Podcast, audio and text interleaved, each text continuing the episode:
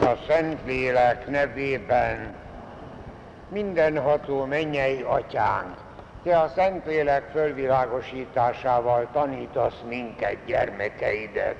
Kérünk, add meg nekünk, hogy szent lelked által megismerjük, ami igaz, megszeressük, ami helyes, és örvendjünk szüntelen az ő vigasztalásán.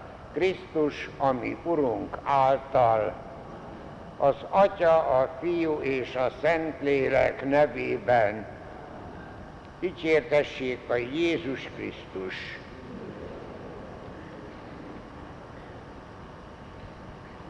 A tíz parancsolat hetedik parancsolatával foglalkozva Két héttel ezelőtt a múlt alkalommal szóltunk már arról, hogy a ne lopj parancsa Jézus értelmezése szerint védi mindazokat a javakat, amik az emberi élet fenntartásához és kibontakozásához szükségesek. Ennek kapcsán beszéltünk már a tulajdonjogról, és annak helyes használatáról, különösen a családban. Aztán rátértünk a mások tulajdonán való tulajdonának a megsértésére, és ezek közül már beszéltünk a egyszerű lopásról, és egy kicsit szóltunk az üzemi lopásokról is. Folytassuk most azoknak a különleges eseteknek a magunk elé állítását, ami ezzel kapcsolatban, tehát a hetedik parancsolattal, a ne lopj parancsával kapcsolatosak. Kezdjük mindjárt azzal az úgynevezett titkos kárpótlással, mert ez bizonyos mértékben jogossá teheti a lopást is. Hát éppen a fogságban, a szovjet fogságban én nagyon sokszor tapasztaltam ezt, és hát megbeszéltük, ott nagyon részletesen megbeszéltük, hogy milyen esetekben lehetséges, hogy a lopás tulajdonképpen jogilag megengedhető legyen.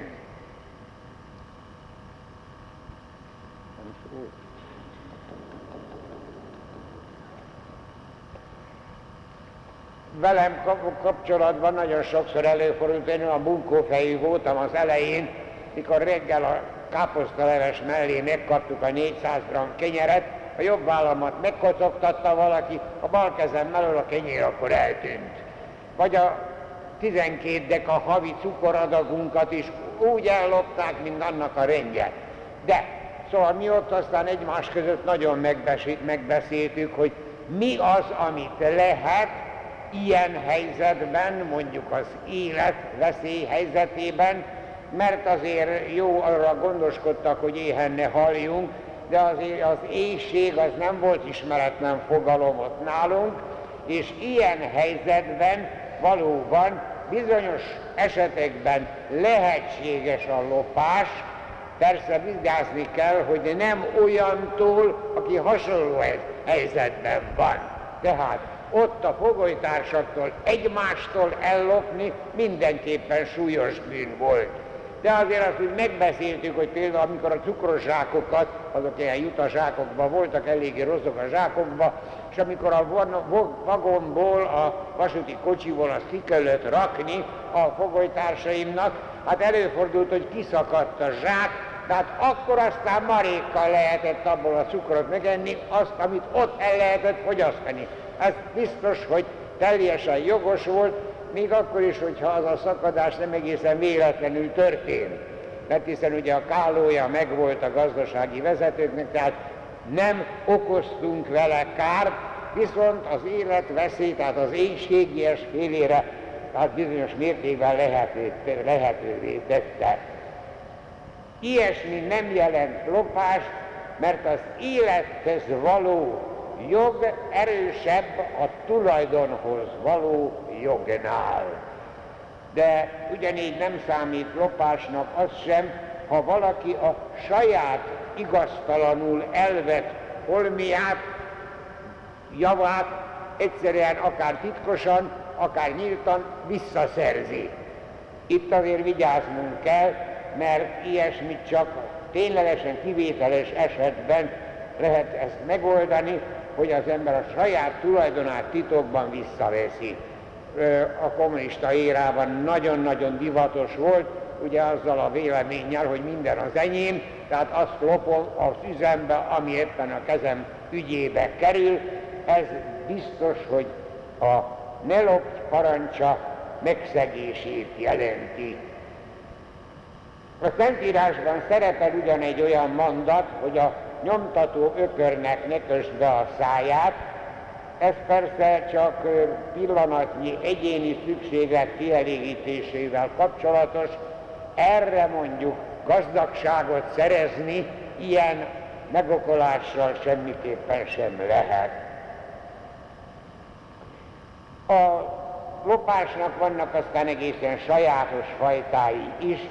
Most például próbáljunk egy pár pillanatra arra gondolni, hogy van a lopásnak egy nyílt erőszakkal, és vagy pedig hát komoly megfélemlítéssel kapcsolatos ö, folytája, ezt nevezzük rablásnak.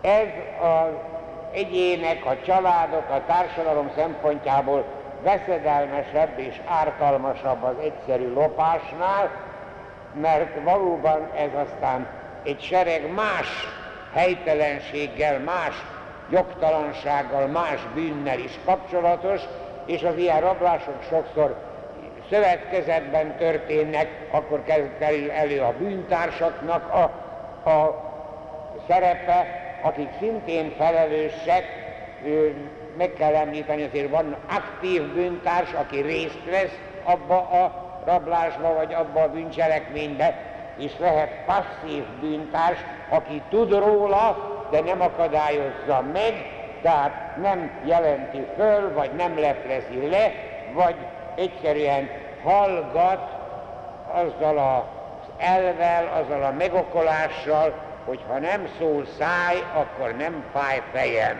Hát ezt is sokszor szokták mondani, de itt azért idézzük Babics Mihálynak azt a nagyon ismerős mondatát, hogy védkesek közt cinkos, aki néma. Ez azért mindenképpen így van. Még egy másik típus a lopásnak az úgynevezett sikkasztás. Ez ott fordul elő legsűrűbben, ahol valaki nagyobb összeggel rendelkezik, állandó jelleggel éppen a munkaköri kötelességeivel kapcsolatban, pláne hogyha kéznél van nagyobb összeg, akkor a kísértés mindig igen-igen nagy. És az úgy kezdődik, hogy hát jó kölcsön veszek belőle, aztán majd visszateszem. Aztán egy darabig vissza is teszi, de aztán elfelejti visszatenni. Szóval igen, vigyázni kell, mert a pénznek van igen-igen nagy kísértő ereje is. A, ez a lopásnál nagyobb összegekkel szokott történni, a rablással kapcsolatban pedig hát mondjuk bizonyos mértékben titokban történik, hogy ne lehessen leleplezni. Van egy olyan fajtája a ne parancs megszegésnek, amit úgy nevezünk, hogy zsarolás. Ez a rablásnál is egy különlegesebb valami, mert nem fizikai kényszerrel, hanem úgynevezett morális kényszerrel operál, ismeri az áldozatnak valamilyen ö, féltett titkát, és megvan bizonyos bizonyíték is rá, és akkor azt nem hajlandó hát átadni, vagy nem hajlandó arról hallgatni, tehát így zsarolja, és így természetesen nagyobb összegeket követel, és ez szintén a lopásnak a kategóriájába tartozik. Ennek is egy sajátos alakja a gyermekrablás, vagy az emberrablás, ahol már egyáltalán nincs is leleplezési szándék, hanem pusztán a váltságdíj. Ez sem ismeretlen a mai világban. Ismét egy másik jellegű lopás az úgynevezett csalás.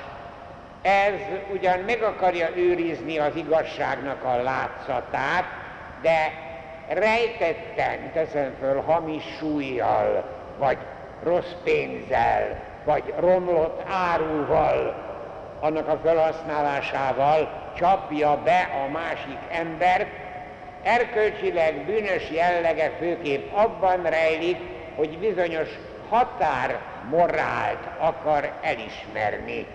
Addig megy, amit még nem fedeznek föl, tehát ameddig még rejtett maradhat. Hát a piacokon, az üzletekben ez nagyon sokszor előfordul. Tehát mindent megtehetek addig, ameddig azt nem tudják leleplezni. Addig arra vigyázok, hogy az rejtve maradjon, tehát ne süljön ki. Hát itt van aztán, ami az utóbbi időben egészen furcsán érdekessé és valósággá változik, amikor azt mondják, hogy jó, hát ez törvényes, csak nem etikus. Ugye, hát nem lehet leleplezni, mert törvényes keretek között próbál maradni a határ moralitásával, de tulajdonképpen etikátlan, tehát a lelkiismeret számára minden bizonyal bűnös. Tehát tudatosan bűn. Térjünk át egy másik különleges megnyilatkozásának, a lopás bűnének, ez a jogtalan károsítás. Ez eh, minden haszon nélkül a rombolásnak az ösztönével, a rombolásnak a vágyával tönkreteszi másiknak a tulajdonát, hogyha ez a közösségnek a tulajdona, akkor a társadalmi tulajdon rongálásáról beszélünk.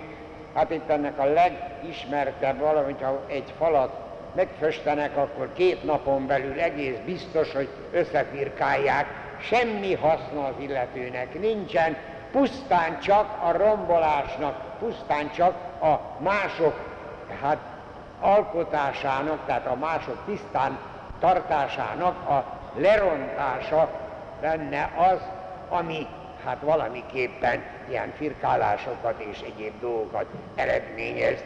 Sajnos ez ellen is nagyon-nagyon nehéz küzdeni, pedig egészen biztos, hogy itt igen-igen sok minden történik. Persze nem csak ez, hanem teszem föl például, ide tartozik a mulasztásból, a hitelt rontó reklámból, a silánymunka elvégzéséből származó károkozás, a köteles szolgáltatások körüli csalás, ide tartozik az adócsalás is.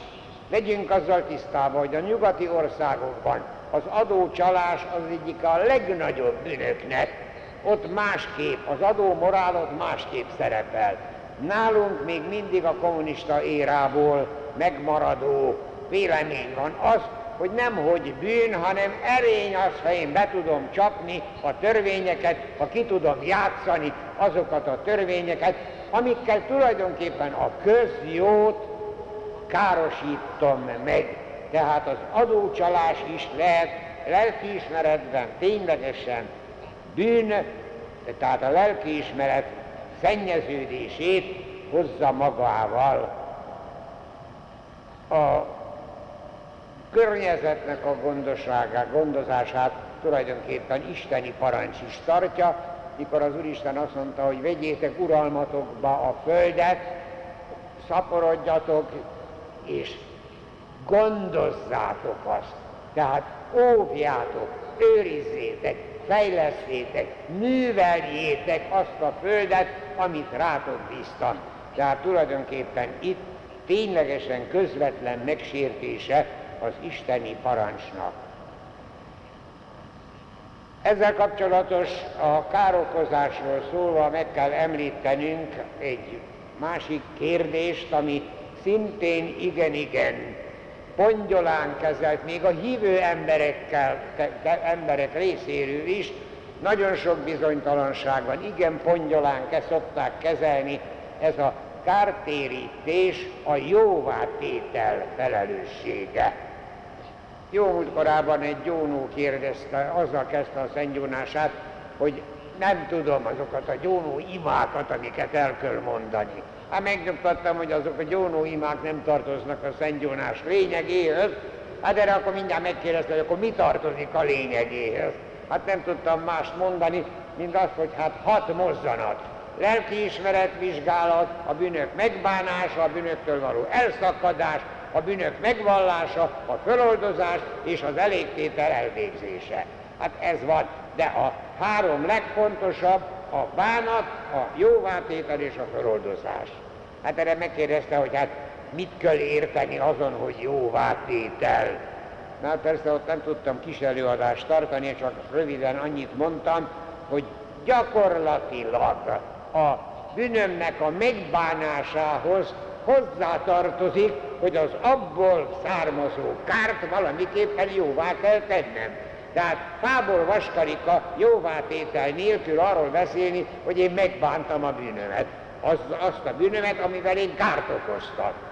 Szóval itt azért egy kicsikét részletesebben is kellene mondanunk, lássuk a hetedik parancsal kapcsolatban részletesebben a jóvátétel, a kártérítés kérdését. Természetesen erkölcsi törvény alapján követelmény, hogy mindenkinek megadjuk azt, ami neki igazságosan, ami ő hozzá tartozik. Tehát, hogyha valami kárt okoztam neki, azt mindenképpen jóvá kell tennem. Tehát ez egy olyan alapigazság, ami nélkül egyszerűen lehetetlen az isteni bocsánatnak az elnyerése. Tehát, hogyha nincs semmi szándékom a bűnöm kárának a jóvátételére, akkor a föloldozást hiába mondja el a pap, az érvénytelen, és én a bűnömre nem kapok, nem kaphatok isteni bocsánatot. Mert csak akkor van isteni bocsánat, ha én a bűnömet megbánok, és azzal el akarok szakadni, ez viszont hozzá tartozik, hogy jóvá akarom tenni. Persze ennek is vannak szabályai, mert van olyasmi, amit nem sikerül jóvá tenni, egyszerűen képtelen vagyok rá, tehát erre is azért egy kicsikét vigyázni kell.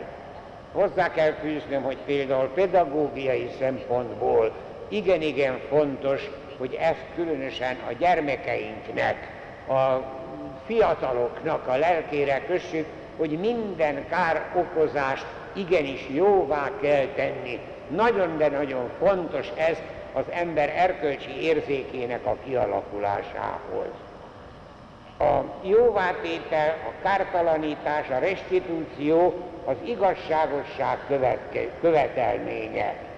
Jogi értelemben védkesnek számít az, aki szándékosan okozta. Tehát ha nem szándékosan okozta, az jogi értelemben nem kíván kártérítést. Erkölcsi értelemben azonban még a nem szándékos károkozás is, hogyha arra rájöttünk, mindenképpen lelkiismeretben valamiképpen kötelez. Félreértés elkerülése véget már itt meg kell jegyezni, hogy aki meggyónta, hogy szándékosan kárt okozott, és utána elvégezte a gyónásban kapott jelképes elégtételt, egy pillanatig se gondolja, hogy ezzel már eleget tett a kár, okoz, kár okozott, az általa okozott kárnak a jóvátételéről. Tehát a szentgyónásban lévő elégtétel, hogyha azt mondják, hogy egy mi atyánkot, vagy két, két üdvözlényet imádkozzon el, ezzel nincsen megoldva a jóvátétel kérdése. Ez nagyon-nagyon fontos. Itt is sajnos sokszor még a hívő emberek is egészen bizonytalan helyzetben vannak. Tényleg nagyon-nagyon nehéz akkor, amikor a piacról jönnek a gyónók, és világos, hogy megnyomják, hogy megkárosították a velőiket.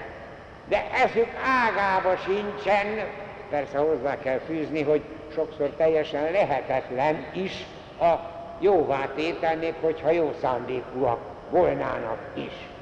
Az úgynevezett elégtétel elvégzése, azt már mondtam, hogy az nem, nem azonos a jóvátétellel, na most itt viszont arra kell gondolni, hogy bizonyos mértékben a jóvátételnek a kár értékével, hát ha nem sikerül azonosnak lenni, hát akkor is legalább hasonlónak kell lennie.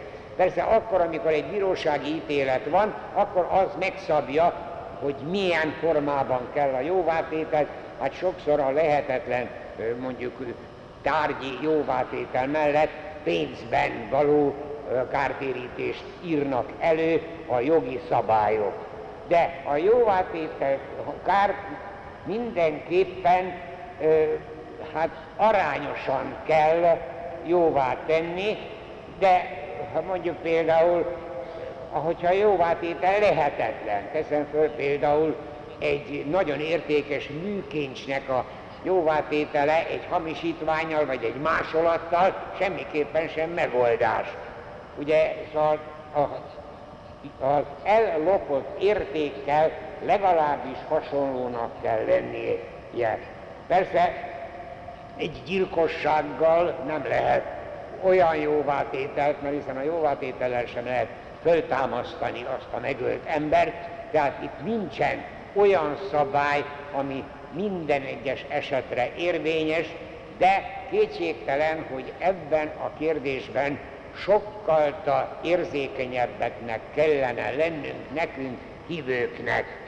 Hozzá kell tennem, hogy például még a, a munkahelyen is a hívő embernek becsületesebbnek kell lennie, tehát ott minden ilyen kis apróságra figyelemmel kell lennie. Érdekes, hogyha megfigyeljük a Szentírásban. Az Ószövetség is, az Ószövetségnek is volt véleménye, nagyon érdekes ezen a téren, ha tudjuk azt, hogy a, a vérbosszúval szemben egy magasabb szint volt az a szemet szemért, fogad fogért elv, ami az Ószövetséget vezette, de ha valaki a másikat megkárosította, tehát például verekedésben megsebesítette, akkor ez benne van az Ószövetség irataiban, hogy a munkaképtelenné válás idejére a kárt, a kárt okozónak kárpótolni kell, és gondoskodnia kell a gyógyításról is. Még a rabszolgákkal kapcsolatban is nagyon érdekes volt, a rabszolgának, hát így, így szerepel a Szentírás szövegeiben, hogyha a rabszolgának egy fülét vagy egy szemét hát, megkárosítja a gazdája, akkor azonnal föl kell szabadítania minden anyagi kártérítés nélkül azt a rabszolgát. Persze aztán volt ugye az Ószövetségben is egészen más, tudjuk, hogy Zakeus, mikor az Úr Jézus hát meghívta, illetve hozzáment, a rakomáját elfogadta, akkor az Zakeus a megtérésénél négyszeres kárpótlást ígért azoknak, akiket ő megkárosított. Érdekes, hogy az új szövetségben különösebb korrekció, vagy különösebb magyarázat erre nincsen. Ott Pálapostól egyenesen beéri azzal a figyelmeztetéssel, hogy adjátok meg mindenkinek azt, ami neki jár. Tehát akkor is, hogyha kárt okoztatok, akkor is, hogyha nem, de mindenképpen kötelességtek ez. Az egyház atyáknál már sokkal részletesebben találunk erre vonatkozókat. Szent Ágostont hadd idézzem, ő ezt írja aki a jóvátétel komoly szándéka nélkül gyónik, az csak színleli a gyónást, ezért bűnbánata nem őszinte, tehát nem nyerhet bűnbocsánatot. Eléggé világos ez a Szent Ágostani mondat.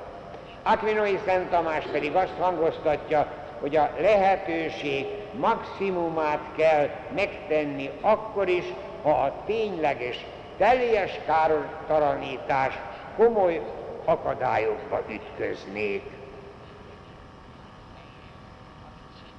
Meg, meg kell még különböztetnünk ezen a téren úgynevezett jó hiszemű és rossz hiszemű károkozás. A jó hiszemű károkozás az, amikor nem tudja az ember, hogy valamiképpen fele barátjának kárát okozta valamilyen cselekedetével, vagy csak később tudja meg.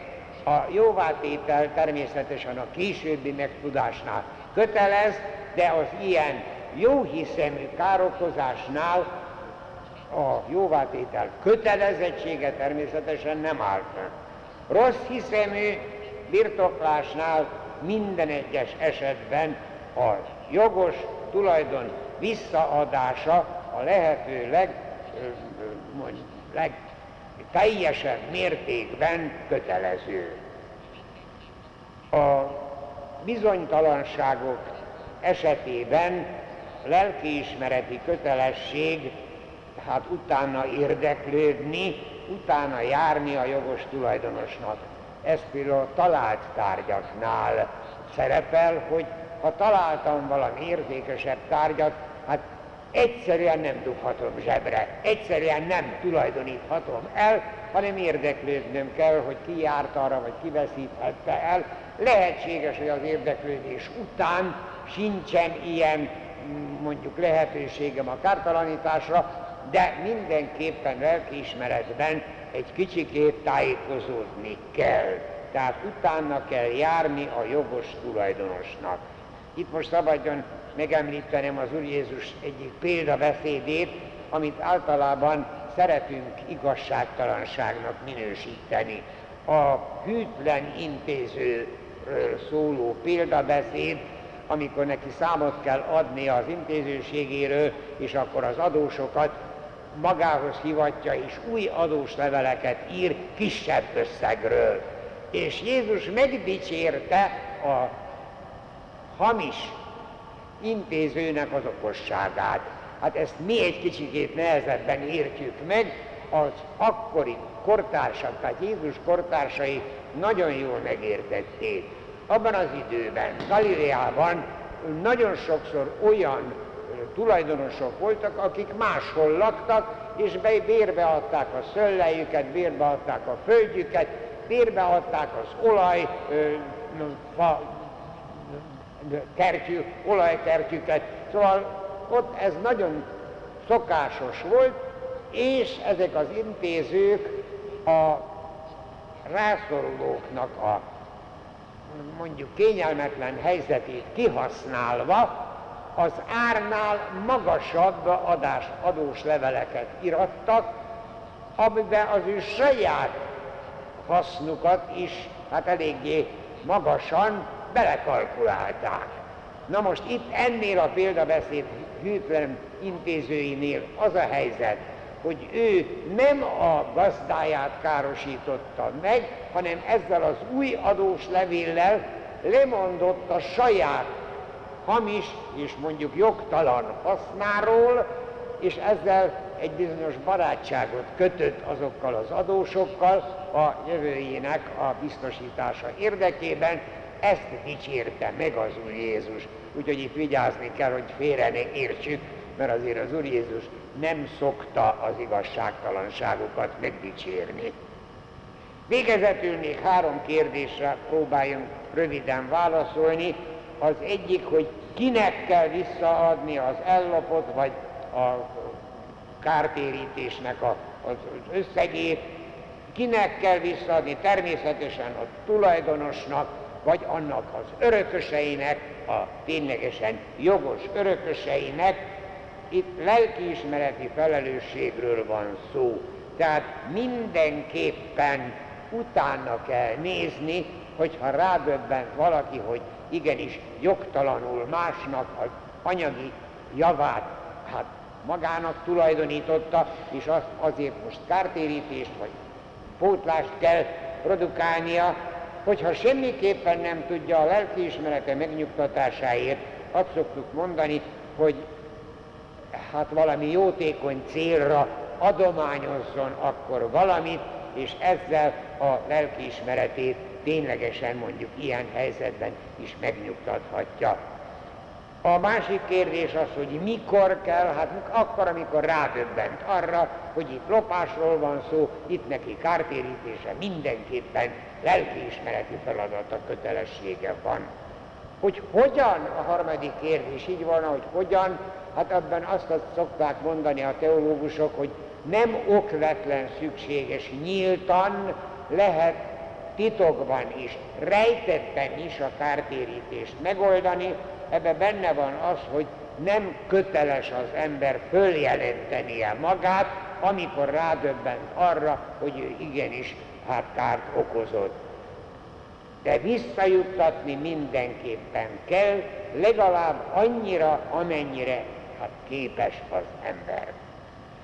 Szólhatnánk még a szerencsejátékokról, a megvesztegetésről, a korrupcióról, a csúszó pénzekről, a hanyag munkáért fölvett pérről és a talált tárgyakkal kapcsolatos problémákról, de én azt hiszem, hogy ennyi is elég, hogy a Nelop parancsát egy kicsikét részletesebben áttekintettük, mert sajnos ez a szentgyónásokban eléggé sokszor szerepel, és eléggé pontatlanul szerepel, a jóvátétel legtöbbször föl sem merül, éppen a föloldozásnak az érvényességét kérdőjelezi meg, tehát azért kellett erről egy kicsikét részletesebben szólni.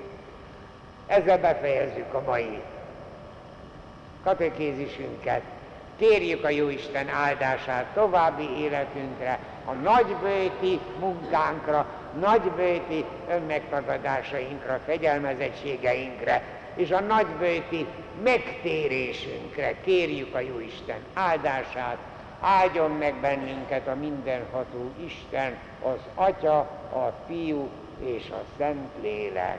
Amen. Dicsérjük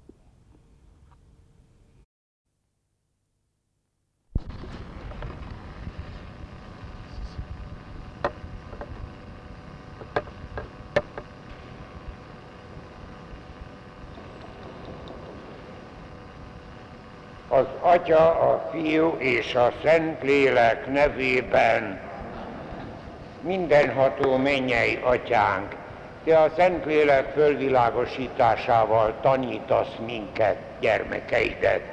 Kérünk, add meg nekünk, hogy szent lelked által megismerjük, ami igaz, megszeressük, ami helyes, és örvendjünk szüntelen az ő vigasztalásán Krisztus, ami Urunk által, az Atya, a Fiú és a Szentlélek nevében dicsértessék a Jézus Krisztus.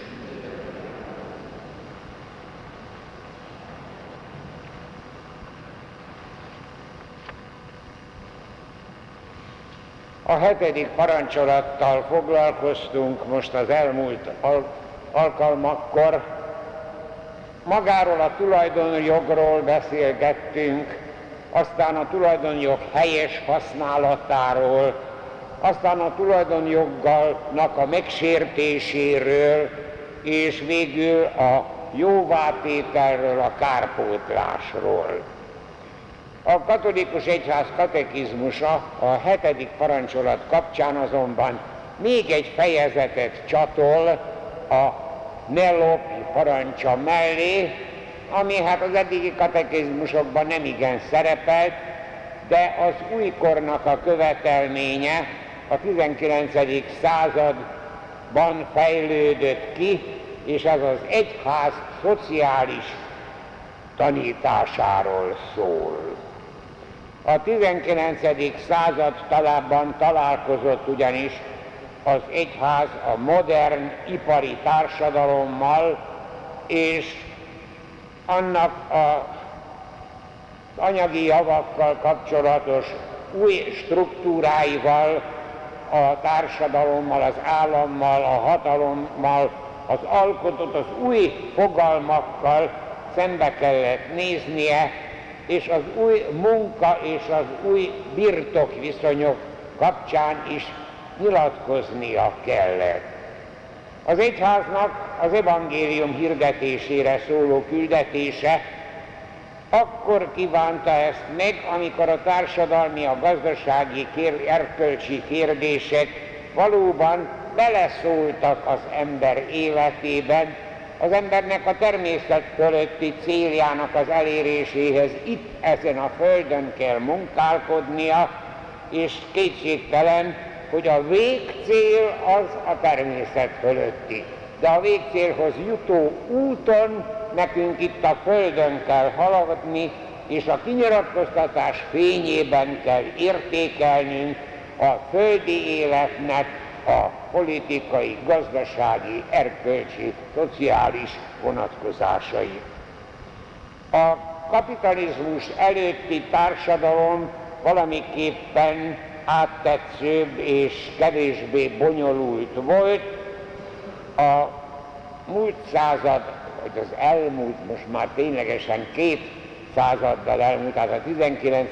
század második felében már valóban annyira a profitra próbáltak, a haszonra próbáltak ráállni, hogy ez úgy eltorzította az embereknek a fölfogását, a kapitalizmus kialakulásával bonyolultá tette ezt az életet. A múlt század két irányzata alakult ki a kapitalizmussal szemben. Az egyik a Marx nevéhez fűződő, ami a rossz struktúrákat akarta megjavítani, hogy a jövő jobb legyen, és az egyház szociális tanítása, ami az embert akarja megjavítani, hogy az ember által előállított struktúrák valóban a jó, jövőt, a jobb jövőt szolgálják. Az egyház szociális tanításának az atya 13. Leó pápa volt, aki először 1891-ben, egyesek azt mondják egy kicsit megkésve, de valójában akkor azért igen-igen határozottan összefoglalta egy enciklikában az egyháznak a gazdasági tevékenységre és a társadalmi igazságosságra vonatkozó tételeit, Rerum Novarum kezdetű enciklika volt ez 1891-ben. Azóta kilenc nagyszabású pápai megnyilatkozás volt ezen a téren, 11. Pius pápának egy, 23. János pápának kettő, 6. Pál pápának szintén kettő, második János Pál pápának pedig három enciklikája, a száz éves évforduló 1991-ben a Centésimus Annus a összefoglaló az egyház szociális kérdéséről egy összefoglaló enciklika. Természetesen az egyháznak nem feladata, hogy konkrét gazdasági rendszereket vázoljon fel, vagy konkrét politikai programokat adjon egyes országoknak vagy társadalmaknak, ez semmiképpen sem feladata, de igenis feladata, hogy a kinyilatkoztatott erkölcsi igazságok alapelveit elénk állítsa, meghirdesse, azt világossá tegye, és ehhez tudják aztán a konkrét gazdasági életet, a konkrét társadalmi, a konkrét politikai életet alakítani aztán a kor emberei alapelveket hirdet, és a katolikus egyház katekizmusa itt ebben a fejezetben négy ilyen alapelvet emel ki. Az első így szól, minden olyan rendszer, amely szerint a társadalmi kapcsolatok teljes mértékben a gazdasági tényezők hatására alakulnak ki, ellentétes az ember személyi méltóságával, mert az ember személyi méltóságát kevésbé értékeli a gazdasági tényezőknél. Nem csak a pénz, nem csak a monetáris szemlélés, nem csak a jólét az egyetlen tényezője az emberi életnek. A másik ilyen alapelv az az elmélet, amely a gazdasági tevékenységet kizárólag a végső célként, tehát a nyereségként, a haszonként akarja megítélni, erkölcsileg elfogadhatatlan, ahol csak a profit, csak a haszon, csak az célként használt pénz a mindeneknek a mérőeszköze vagy szabálya, az ellentétes a Krisztusi erkölcsel. A harmadik ilyen megjegyzés, hogy az a rendszer, amely lényegesen többre értékeli a kollektív szerződések alapján, tehát a közösségnek a munkáját, az egyes személyek és egyes csoportoknak az alapvető munkáját, alapvető jogait nem veszik figyelembe, szintén elmarasztalandó, mert egyszerűen szolgasságba dönti az ember. A nyereségszerzés eszközévé teszi, és előbb-utóbb a pénz bálványozására kényszeríti az egyes embert is. Tehát kizárólag központi szervezéssel egyszerűen a személyiségnek a figyelembe nem vételével nem lehet megszervezni a társadalmi igazságosságot, hogyha az nincs tekintettel az egyes emberek méltóságára és értékére. A negyedik pont, amit megemlít a katolikus egyház katekizmusa az, hogy az egyház mindig elutasította a totalitárius és az ateista rendszereket, amelyek tulajdonképpen megvalósultak a kommunizmusban és a szocializmusban, másféle elutasítást kapott a, a kapitalizmus gyakorlata a maga szélsőségében, abban a teljes individualizmusban, ahol a piac törvényei abszolút elsőséget élveznek. A világkatekizmus ezek után még néhány fogalmat is tisztázni akar, pontosítja a fogalmaknak a jelentését. Hát az első ilyen fogalom a gazdasági tevékenység. Az olyan cselekedetek összessége, amelyek rendeltetése, hogy gondoskodjék az emberek szükségleteiről.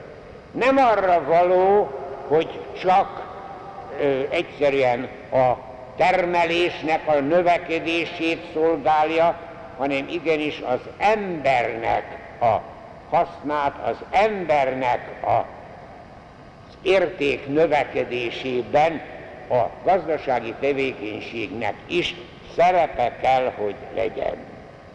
Egy másik ilyen fogalom a munkafogalma.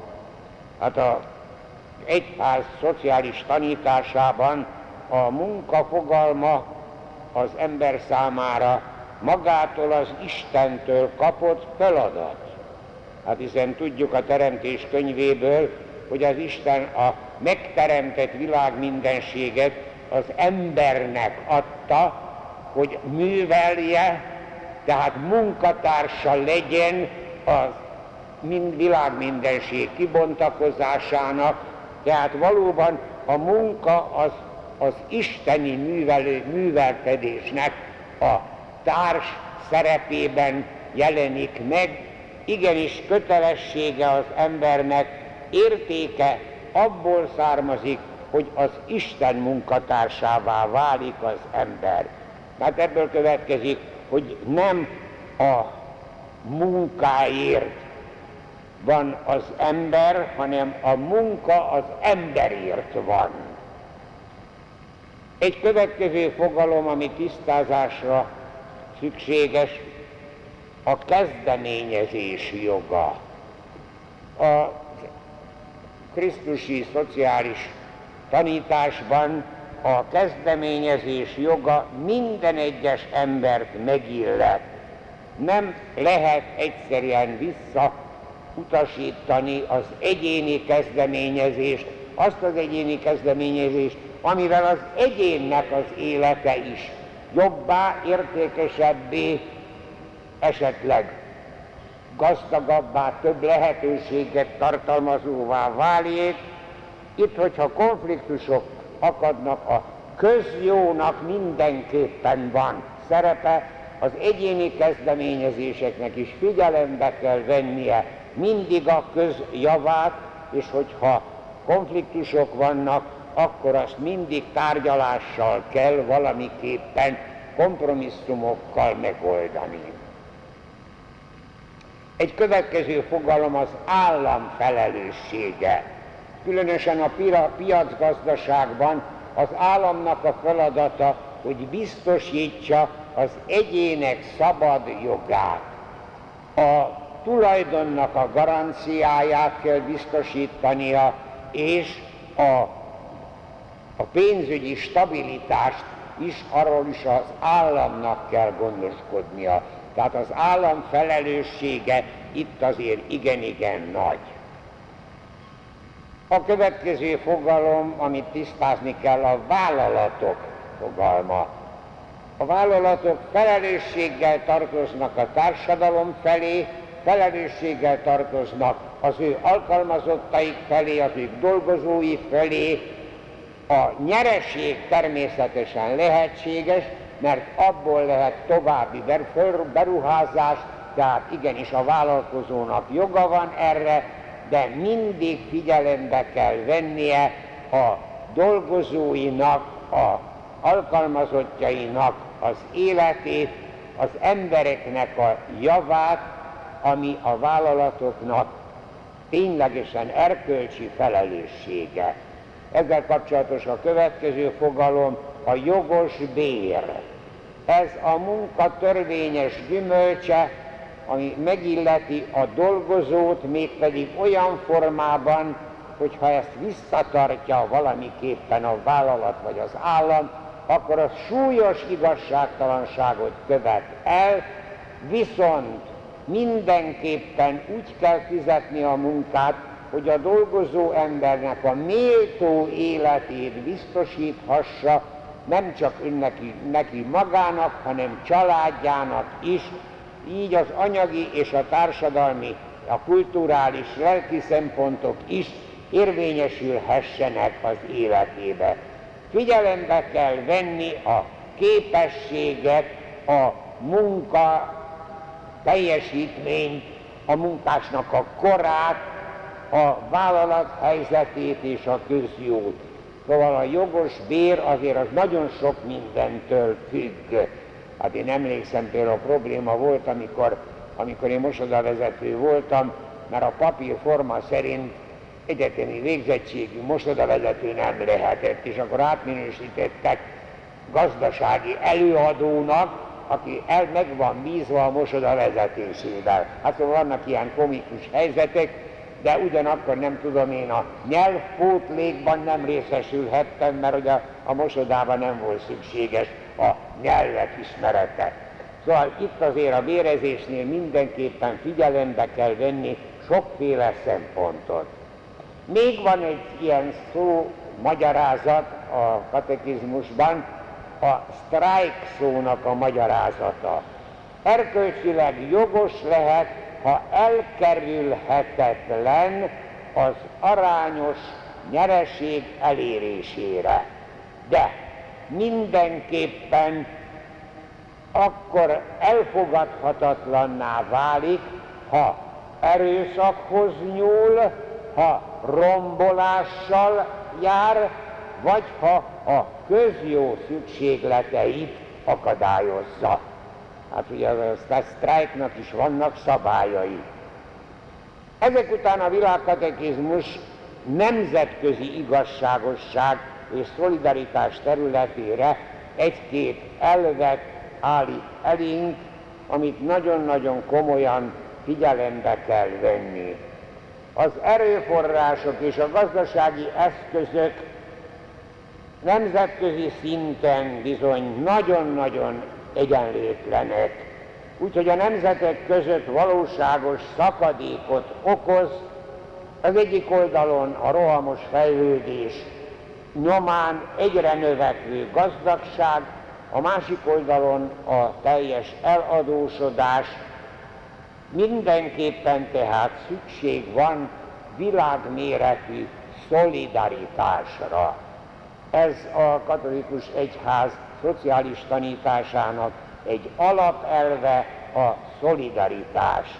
Igenis a gazdag államoknak súlyos erkölcsi felelőssége, hogy ebben az irányban ne csak önmagukról gondoskodjanak, hanem bizonyos támogatást nyújtsanak az eladósodott, a náluknál sokkal szegényebb országoknak, rendes körülmények között is. Most már talán azért kevésbé van az, ami a múlt században, meg azt megelőző században az egyszerű népek kizsákmányolása volt, hogy nem tudom én, üveggyöngyöket adtak az onnan származó aranyér vagy gyémántért.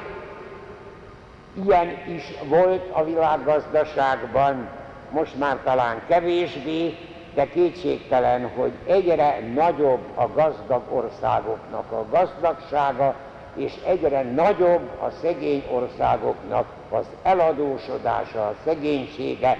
A Szent Atya a múlt esztendőben is hát számtalanszor fölemelte a szavát, hogy mindenképpen a gazdag államoknak segítségére kell menni a szegény államoknak, mert ez így nem maradhat a világban, mert ez mindenképpen táptalaja a terrorizmusnak.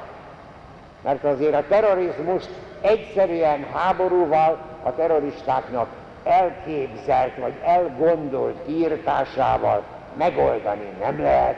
Csak úgy, hogyha egy kicsit a szolidaritásra többet gondolunk, és hogyha a nagy gazdag államok is segítséget nyújtanak a szegény államoknak. A politikai, társadalmi, gazdasági élet konkrét megszervezését természetesen az egyház nem vállalhatja. És itt most ki kell térni arra is, hogy az egyháznak a lelkipásztorai is, hát csak ezeket az elveket hangoztathatják, ők nem javasolhatnak megoldási programokat, megoldási rendszereket, de viszont a katolikus egyház hívőinek igenis kötelessége, hogyha erre szakértelmük van, hogy akkor az egyház szociális tanítása alapján próbáljanak a maguk körében ténylegesen eredményes munkát végezni. Itt most hát ugye itt egy picikét nem egészen ide vonatkozik, de tudjuk azt nagyon jól, hogy választás előtt vagyunk, és a 90-es, 94-es, 98-as választás nem durvult annyira el, mint most, ami következik. Én is kaptam egy egész goromba levelet azért, hogy miért politizálok mindig a szembiség homiliájában, hogy miért kampányolok, hát igenis kampányolok. És hogyha valaki ezt magára érti, hát értse magára. Én azt mondom, hogy nekünk az Úristen akarata szerint kell élni, mert mi Krisztusiak vagyunk, mi ténylegesen az Úristenbe kapaszkodunk. Hát hogyha ezt valaki az ő meggyőződése elleni kampányolásnak veszi, hát akkor ő az Isten ellen van, és akkor hát megnézheti magát. Szóval én ezentúl is fogok kampányolni, soha nem mondok semmiféle pártot, nem támogatok semmiféle pártot ilyen formában, de mindenkinek tudnia kell, hogy mi a felelőssége. A papok, a lelkipásztorok nem oldhatják meg a helyzetet, csak is a drága jó hívek.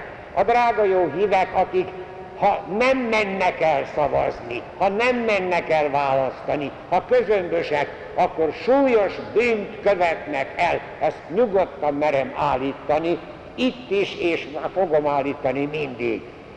Nagyon-nagyon fontos, mert mi vagyunk azok, akik az állam polgárai vagyunk, akik felelősek vagyunk, hogy a hazánk vezetése milyen formában teszi lehetővé a mi jövőnket, a mi gyerekeinknek, az utódainknak az életét.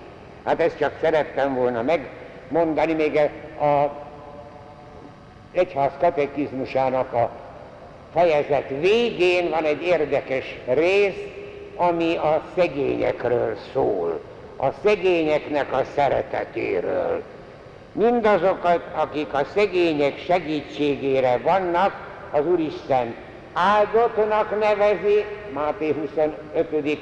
paragrafusában ugye szerepel az utolsó ítélet, áldott, jöjjetek, atyám áldottai, mert ti a segítséget nyújtottátok a rászorulóknak, és ugyanakkor kárhozatot ígér azoknak, akik érzéketlenek, és nem nyújtanak segítséget. Nagyon-nagyon fontos ez. Az egyház szeretete a szegények iránt egy állandó alapmagatartás kell, hogy legyen. Itt sajnos nekünk azért arra is kell gondolnunk, hogy a szegénységet, a koldulást manapság Magyarországon vannak, akik foglalkozásként űzik, és itt a gyakorlati, helyes, szegény segítés az, hogyha intézményesen próbálunk segíteni, akár szeretetszolgálat, akár a Caritas révén, akár intézményesen a hajléktalanoknak, az egyes személyek segítésénél nagyon-nagyon vigyázni kell. Bár nagyon érdekes, Aranyszájú Szent Jánosnak van erre vonatkozólag egy nagyon érdekes kijelentése, hogy mi a szegényeknek ne adjuk szeretetünk ajándékaként olyasmit, amit igenis jogosan ők megkövetelhetnek.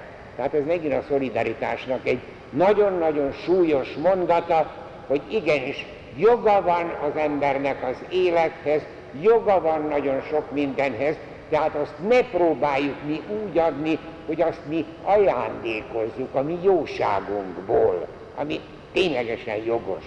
Na az irgalmasság cselekedetei, de a lelki cselekedetei, testi cselekedetei, ide ér, ide csatolható, a irgalmasság lelki cselekedetei, a tanítás, a tanácsadás, a vigasztalás, a megbocsájtás, a türelmes elviselése a másiknak, a testi cselekedetek pedig hát a éhezőknek az ételadás, a szomjazóknak az italadás, a ruhátlanok, ruhátlanoknak a fölruházás, a betegeknek a látogatása, a börtönben sínődőknek a segítsége.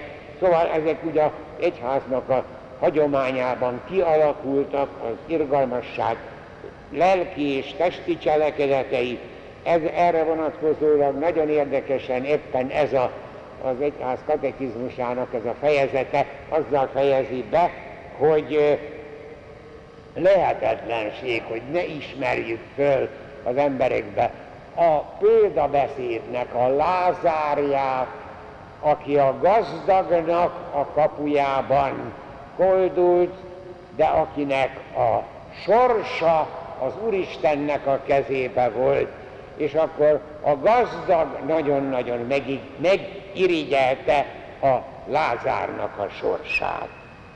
Na most még azt a szabadjon megemlítenem, hogy a Magyar Katolikus Püspöki Kar egy nagyon sikerült közös körlevelet adott ki 1996-ban, igazságosabb és testvériesebb világot, ezt annak idején mi az adventi beszédekben is, meg én a fölnőtt katekézisben is egészen komolyan ismertettem, nagyon-nagyon jót tesz, ha lehetőségünk van hozzá, hogy átnézzük igen-igen ügyesen, bizonyos dolgokban már előbbre vagyunk, hiszen az élet megy, ez 1996-ban, tehát még a mostani kormány előtti időszakból származik, az akkori jelen képet, a helyzetet ábrázolja és javasolja a megoldást, a megoldásból bizonyos dolgok már meg is valósultak, vagy pedig folyamatban vannak, minden esetre ez egy nagyon értékes. Hadd szabadjon befejeznem azzal, amivel ez a püspökkari körlevél befejeződik, így szól. Nagyok a mindannyiunkat sújtó terhek és feladatok. Sokakat el is bátortalanít, vagy éppen türelmetlenné tesz. A katolikus egyház nem vonhatja ki magát a terhek alól, hanem vállalja a ráeső feladatokat, és szüntelenül hirdeti, hogy nem szabad feladnunk a bizalmunkat. Megváltó Jézusunk a reményre hívta fel a figyelmünket, és egészen biztosan erőt is ad mindannyiunknak, hogy közös összefogással, közös felelősségvállalással sikeresen építsük hazánk jövőjét. Ezzel a gondolattal fejezem be a katekézist is, és ezzel a gondolattal kérjük a mi jövőnkre a Jóistennek a bőséges áldását, áldjon meg bennünket a mindenható Isten, az Atya, a Fiú és a Szent Lélek. Dicsértessék a Jézus Krisztus!